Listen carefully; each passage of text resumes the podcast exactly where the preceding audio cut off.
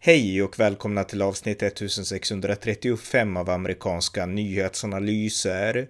En konservativ podcast med mig, Ronny Berggren, som kan stödjas på swishnummer 30 28 95 0. Här följer ett samtal med journalisten Pelle Zackrisson om varför Amnesty International har en problematisk historia av aktivism som nu måste belysas i syfte att tvinga Amnesty att bli neutrala på riktigt istället för förklädda aktivister. Varmt välkomna! Pelle Zackrisson, välkommen! Tackar. Vi ska prata lite grann idag om Amnesty Internationals eh, historia av aktivism kan man säga. Och det här föranleds av det som hänt nu i, det var igår tror jag, som Amnesty International släppte en rapport om Ukraina. Där Amnesty då kritiserade Ukraina. Kan du berätta lite om, om det? Ja, det är en rapport som man har gjort om eh, krigsbrott helt enkelt och man konstaterar i den här rapporten att ukrainska styrkor har försatt civila i fara genom att upprätta baser och att använda vapensystem i befolkade bostadsområden som en del av motståndet mot den ryska invasionen. Det här skriver man eh, även i en tweet. Och det här är något som fått eh, många att reagera eftersom att eh, resonemanget går ut på att ukrainska, den ukrainska militären har försatt de civila i Ukraina i fara. Mm. Och eh, ja, och det är ju naturligtvis eh, eh, det är ju inte Ukraina som det är ju Ryssland som har invaderat Ukraina. Och bland annat Joakim Paasikivi som som, kommenter, som har kommenterat kriget i, i Ukraina vid ett flertal tillfällen. Hans, eh, försvarsexpert, svensk försvar, försvars... Mm. Exakt, försvarsexpert. Han säger ju det att eh, man, Amnesty tar inte i, i beaktande att uh, ukrainska styrkor är en, en, försvarande part.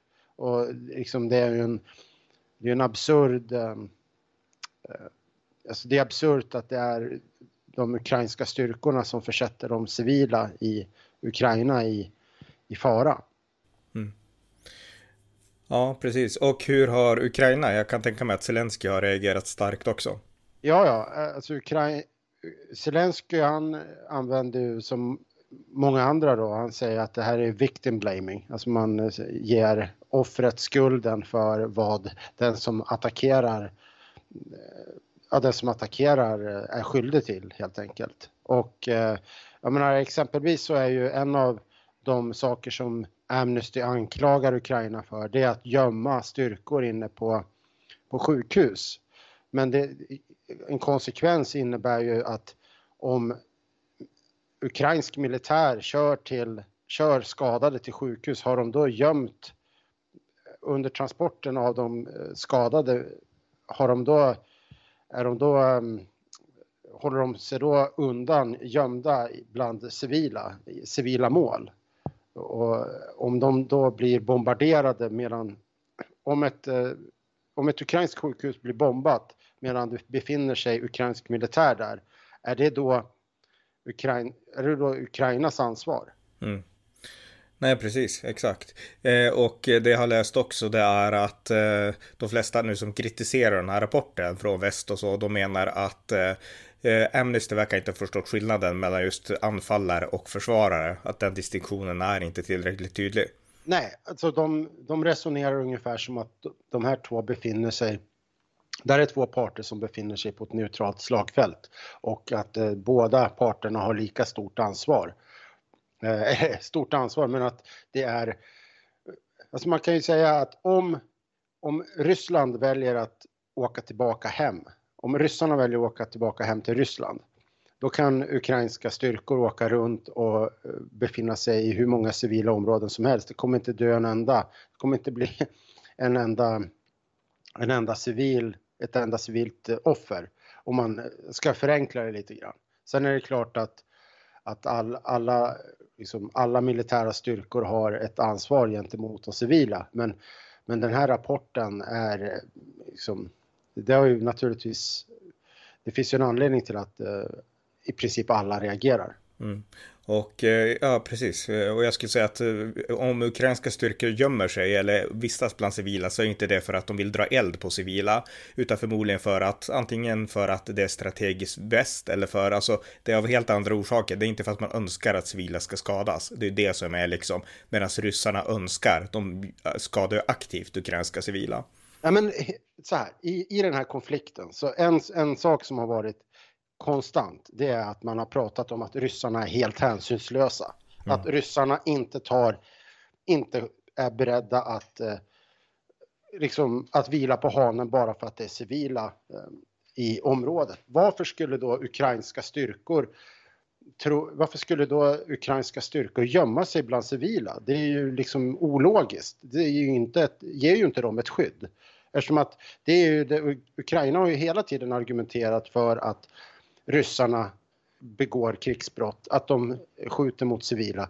Varför skulle då ukrainska styrkor försöka komma undan genom att gömma sig bland ukrainska civila?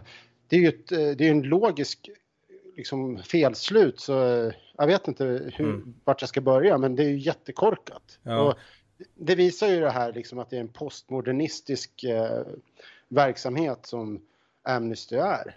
Mm. Eh, jag läser på DN att eh, eh, man citerar Jakob Hedenskog som kommer från Utrikespolitiska institutet som säger att det är plågsamt för Amnestys rapport bekräftar Ryssland och ger kraft åt landets argument. Ryssland hävdade till exempel att det var ett militärt mål vid bombningen av teatern i Mariupol, liksom vid flera andra bombningar av civila mål. Men om Ukraina inte försvarar sig blir det som vid massakern i Butja. Skulle det vara ett brott att försvara sig? Säger han då till DN. Och jag tycker att det där var ganska, det var ganska bra där sagt. För jag menar, det finns ju tillfällen där soldaterna finns där för att skydda de civila. Mariupol är det klassiska exemplet liksom.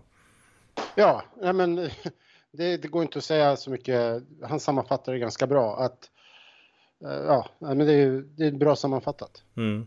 Och, ja, hade du mer att tillägga? Ja, nej, men det är ju att eh, det här är ju inte liksom första exemplet på att Amnesty har gått fel. Och det här är liksom en Amnesty är ju framförallt ökända för sina ställningstaganden när det gäller Israel då. Mm. Och att, ja. Ja, precis. Ja, alltså det finns, ja, precis. Amnesty har en lång historia av aktivism och att uttala sig mycket problematiskt i mina ögon och det som fick mig upp, uppmärksamma det först, det var 2005 när Amnesty International betecknade USAs Guantanamo-fängelse för al-Qaida-terrorister då eh, och man betecknade det som vår tids Gulag, sa då eh, Amnestys dåvarande generalsekreterare Irene Khan och eh, det här var ju någonting som, ja, jag varit helt häpen när jag, när jag hörde det. Och Bush-administrationen var ju väldigt kritiska såklart. Och då insåg jag att det här går inte att ha något förtroende för. Och därefter så har Amnesty International fortsatt göra olika sådana här eh, besynnerliga utspel. 2011 då när George W. Bush inte längre var president så åkte han till Afrika. Han var ju väldigt, eh, ja, fäst vid Afrika Bush och eh, reste runt där i några länder och då manade Amnesty International de här afrikanska länderna att gripa Bush för liksom brott mot mänskliga rättigheter och utelämna honom till Haag och liknande. Och eh, ja, de fick ett svar av Zambias utrikesminister eh, Shimshiba Kamville som helt enkelt sa att säg åt dem att hänga sig och var vänlig att be dem att skapa ett eget land och vänta på att herr Bush besöker det så kan det gripa honom där, inte i Zambia. sa Zambias utrikesminister då. Men det visar också lite aktivism. Och ett annat exempel, eh, det var till exempel 2013, då kritiserade man USAs användning av drönare i Afghanistan och Pakistan. Därför att, eh, ja, USA, civila dog ju, det är ett faktum liksom. Men man liksom, man förstod inte liksom USAs resonemang och liksom det ignorerade man helt. Och Obama-administrationen, det var Obama som var president då, de var väldigt liksom upprörda på Amnesty. Och eh, nu senast, det, det är liksom läste om, det var ju Israel som du var inne på. Det var i februari nu i år där man anklagade Israel för att vara en apartheidstat ja, i förhållande till äh, palestinierna. Ja, men jag kan läsa från svenska svenska apartheid, svenska Amnestys hemsida om den här rapporten. Då skriver de så här att eh, en ny rapport från Amnesty International visar hur Israel tvingar in palestinier i ett system av förtryck och dominans som har som syfte att gynna israeliska judar. Det här sker i alla områden som kontrolleras av Israel och det påverkar också palestinska flyktingar. Det är apartheid. apartheid är ett brott enligt folkrätten. Det här är, det här är klassisk antisemitism. För vad det, gör, vad det här handlar om det är att man, man spelar på den klassiska tropen att att eh, judar tror att de är ett utvalt folk, att judar tror att man är mer värd än andra. Och eh, så den här, det här är, så för att liksom citera någon annan, alltså det är ren och skär antisemitism. Det är mm. ren och skärt, rent och skärt judehat som finns på svenska Amnestys hemsida och det är jättemärkligt att det inte är fler som reagerar på det. Och eh, alltså det är en helt oseriös organisation. Mm. Jag gjorde en podd om just det här med liksom när man stämplar Israel som apartheidstat. Det är podd 1498 från den 17 februari i år kan jag tipsa er som lyssnar om. Eh, men ja, jag håller med. Sen oftast i sådana här organisationer och internationella institutioner så är det oftast, oftast är det individer som står för de här totala liksom felaktiga spåren. Alltså enskilda individer på starka poster eller en grupp enskilda individer. Eh, och eh, ibland så byts de ut, ibland inte. Men ett bra exempel är ju som är helt totalt genomkorrumperat. Det är ju är det FNs råd för mänskliga rättigheter där Saudiarabien och de här konstiga länderna sitter liksom. Och man kan ju inte ha något förtroende alls för dem. Eh, och sen finns det andra som inte är lika tydligt så här aktivistsmittade, men där det ändå finns enskilda individer. Jag skulle gissa att Amnesty International är det senare exemplet, alltså enskilda individer på helt felaktiga positioner. Mm, ja, de har ju senaste ordföranden i Sverige, Parul Sharma, det är ju en proffs, eh, eh, som hon är proffs inom den här eh, väl, välgörenhetsbranschen, har ju en bakgrund inom Greenpeace bland annat och mm. valdes eh, till ny ordförande för ett par år sedan, i, om det var i hösten 2020. Och, så det, det, är liksom en, en samling. Eh, Amnesty, Amnesty International har, eh, så de har, alltså de har vandrat, eh, vandrat långt bort från det som var deras eh, liksom, existensberättigande eller USP som handlade om att, att stå upp för, för mänskliga rättigheter, alltså ut, utifrån ett alltså hur, eh, vad heter det, människor som blev eh, politiska fångar och så vidare. Mm, mm. Dissidenter tänkte du på kanske? Ja, ja, dissidenter. Eh, jag, jag sitter och läser, du twittrade ju också om det här mm. i, tidigare dag och då frågade du Amnesty i Sverige att eh, du citerade då ukrainska styrkor har försatt civila i risk eh, och sen så står ni bakom detta Amnesty Sverige för du är Amnesty International då som hade gjort den här rapporten. Fick du något svar? Nej, nej, jag har sökt också den här ordföranden. Jag men jag har inte fått något svar än. Och, men i och med att de har twittrat exakt samma sak på svenska så kan man ju inte dra någon annan slutsats att, än, att, än att de uh, står bakom exakt det här budskapet. Så att, mm det tycker jag inte är någon djärv slutsats att eh, Amnesty Sverige har exakt samma ingångsvärden. Och eh, de, alltså den här rapporten från i vintras som man har om den här eh, tuff, eller väldigt hårda retoriken kring, den visar ju att, liksom visar ju vad Amnesty Sverige står för. Mm. Och eh, jag tycker så här också, bara för att avrunda lite grann, alltså ibland, alltså Amnesty gör bra saker också, ibland så är de väldigt tydliga med att påpeka där brott har begåtts, liksom på riktigt och, och sådär. Men vad såna, när de använder sådana här eh, saker lättvindigt, som i det här fallet nu med Ukraina, Guantanamo och liknande, eh, vad det gör egentligen, det är att eh, på något sätt man spelar med i det här ryska narrativet eh, som, som ryssarna vill driva, att eh, liksom brott begås på båda sidor och liknande. Och Eh, Eh, man spelar också med i att, eh, alltså man, man, man, eftersom man har ett ganska stort anseende, Amnesty International, så befäster det också ett narrativ i allmänhetens medvetande. Man hör liksom Guantanamo, oj, då tänker man på Gulag, därför att Amnesty har ju sagt det liksom. Eh, Ukraina, Ryssland, samma liksom skrot och korn, båda sidor. Israel, apartheidstat, Sydafrika, tänk på det liksom. Så att jag menar, man, man bygger ju upp liksom ett undermetet narrativ i, i liksom, i liksom konsumenterna medborgarnas medvetanden. Och på sikt så skördar det också negativa politiska konsekvenser. Så jag tycker att det här är mycket allvarligt, inte minst därför. Ja, och sen om, jag, om man ska avsluta så det, det totalkvaddar ju Amnestys eh, liksom, rykte. För mm. att eh, det finns ju det finns ju legitima skäl att eh, att bevaka hur Ukraina agerar. Alltså, man får ju inte behandla krigsfångar hur, hur man vill till exempel. Och det är ju bra att, att det görs. Mm. även om, även om Ukraina blir attackerat så får man inte behandla man får inte behandla liksom stridande soldater hur som helst och då är det bra att det finns en watchdog, någon som eh, liksom håller koll på det där. Men om den här watchdogen, om den här organisationen har gjort sig själv eh, till åtlöje, har gjort, liksom gjort sig själv irrelevant genom eh, dels liksom antisemitism och sen också det här nu då, det här senaste.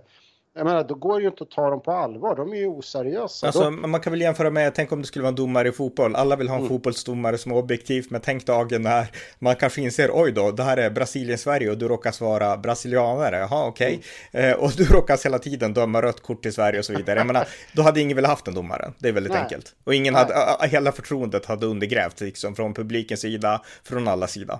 Ja, Ja, och det är det som händer när, när de beter sig så, alltså sådana organisationer. Men, men jag tycker också en sista sak då som jag, på, som jag vill lägga fram här. Eh, det här är ändå intressant på ett sätt, därför att vid tidigare tillfällen, de här exemplen jag har dragit, då var det ändå så att de här rapporterna kom ut och ibland så hakade liksom media i världen på, i väst, i Sverige och så, eh, liksom Guantanamo och eh, eh, Gulag till exempel, alltså alla, liksom ingen brydde sig därför att alla avskydde Guantanamo i alla fall, så att det spelade ingen roll. Men här tycker jag att det skiljer sig på så vis att väldigt många tidningar, Dagens Nyheter, eh, väldigt många experter överallt, de går ändå till Ukrainas försvar och säger att nej, Amnesty, nu har ni gått för långt. Det är en skillnad från tidigare exempel tycker jag. Ja, verkligen. Nu är det ju lite grann att Ukraina, Ukraina, eh, spåret här, Amnesty valde fel fråga att eh, gå, go nuts i lite, lite grann. Det hade varit bättre om de kritiserade typ Missouri för abortlagarna eller någonting. Ja, för de deras egen del. ja, de borde ha stannat kvar i sin uh, postmodernistiska woke, uh, woke-analys och liksom fortsätta hacka på Israel. Mm. Liksom och, ja, det, det är lite mer, lite säkrare. Nu, nu har det ju blivit en enorm backlash och, och det kommer skada organisationen. Och på, på ett sätt är det bra därför att vi vill ju inte ha domare som är liksom partiska utan vi vill ha, alltså det är bra att vi får se att den här domaren är liksom partisk så vi kan byta ut den till en liksom fungerande objektiv domare för det behövs alltså som du säger, det behövs objektiva watchdogs som kan liksom kontrollera mänskliga rättigheter oavsett vilken sida som liksom bryter mot dem. Det behövs verkligen. Men ja. då får det inte vara liksom aktivister in disguise så att säga, vilket det verkar vara i Amnestys fall. Ja, nej men exakt. Det är ju, det är ju alltid så liksom att det, och eh, när de, om man följer deras Twitterkonto, jag rekommenderar verkligen folk som har Twitter att eh, följa Amnesty International på Twitter för att det är liksom en det är en, eh, det är en störtflod av eh, den här typen av retorik hela tiden. Och man säger att man, man säger att man försvarar mänskliga rättigheter. Inget, eh, ingen, ingen regering är, är bortom granskning och så vidare. Och att man, mm. man är extremt, man har en väldigt extremt hög svansföring. ja, ja, jag ska kolla in det också. Ja, men vad bra, då har vi uppdaterat om det här, så tack Pelle. Tack. Tack för att ni har lyssnat på amerikanska nyhetsanalyser. En konservativ podcast i det vänsterliberala svenska mediebruset som ni gärna får stödja på swishnummer 070-30 28 95 0 eller via hemsidan usapool.blogspot.com på Paypal, Patreon eller bankkonto. Jag vill även mana er som har möjlighet att skänka en slant till valfri Ukraina-hjälp. Det var allt för den här gången. Tack för att ni har lyssnat. thank you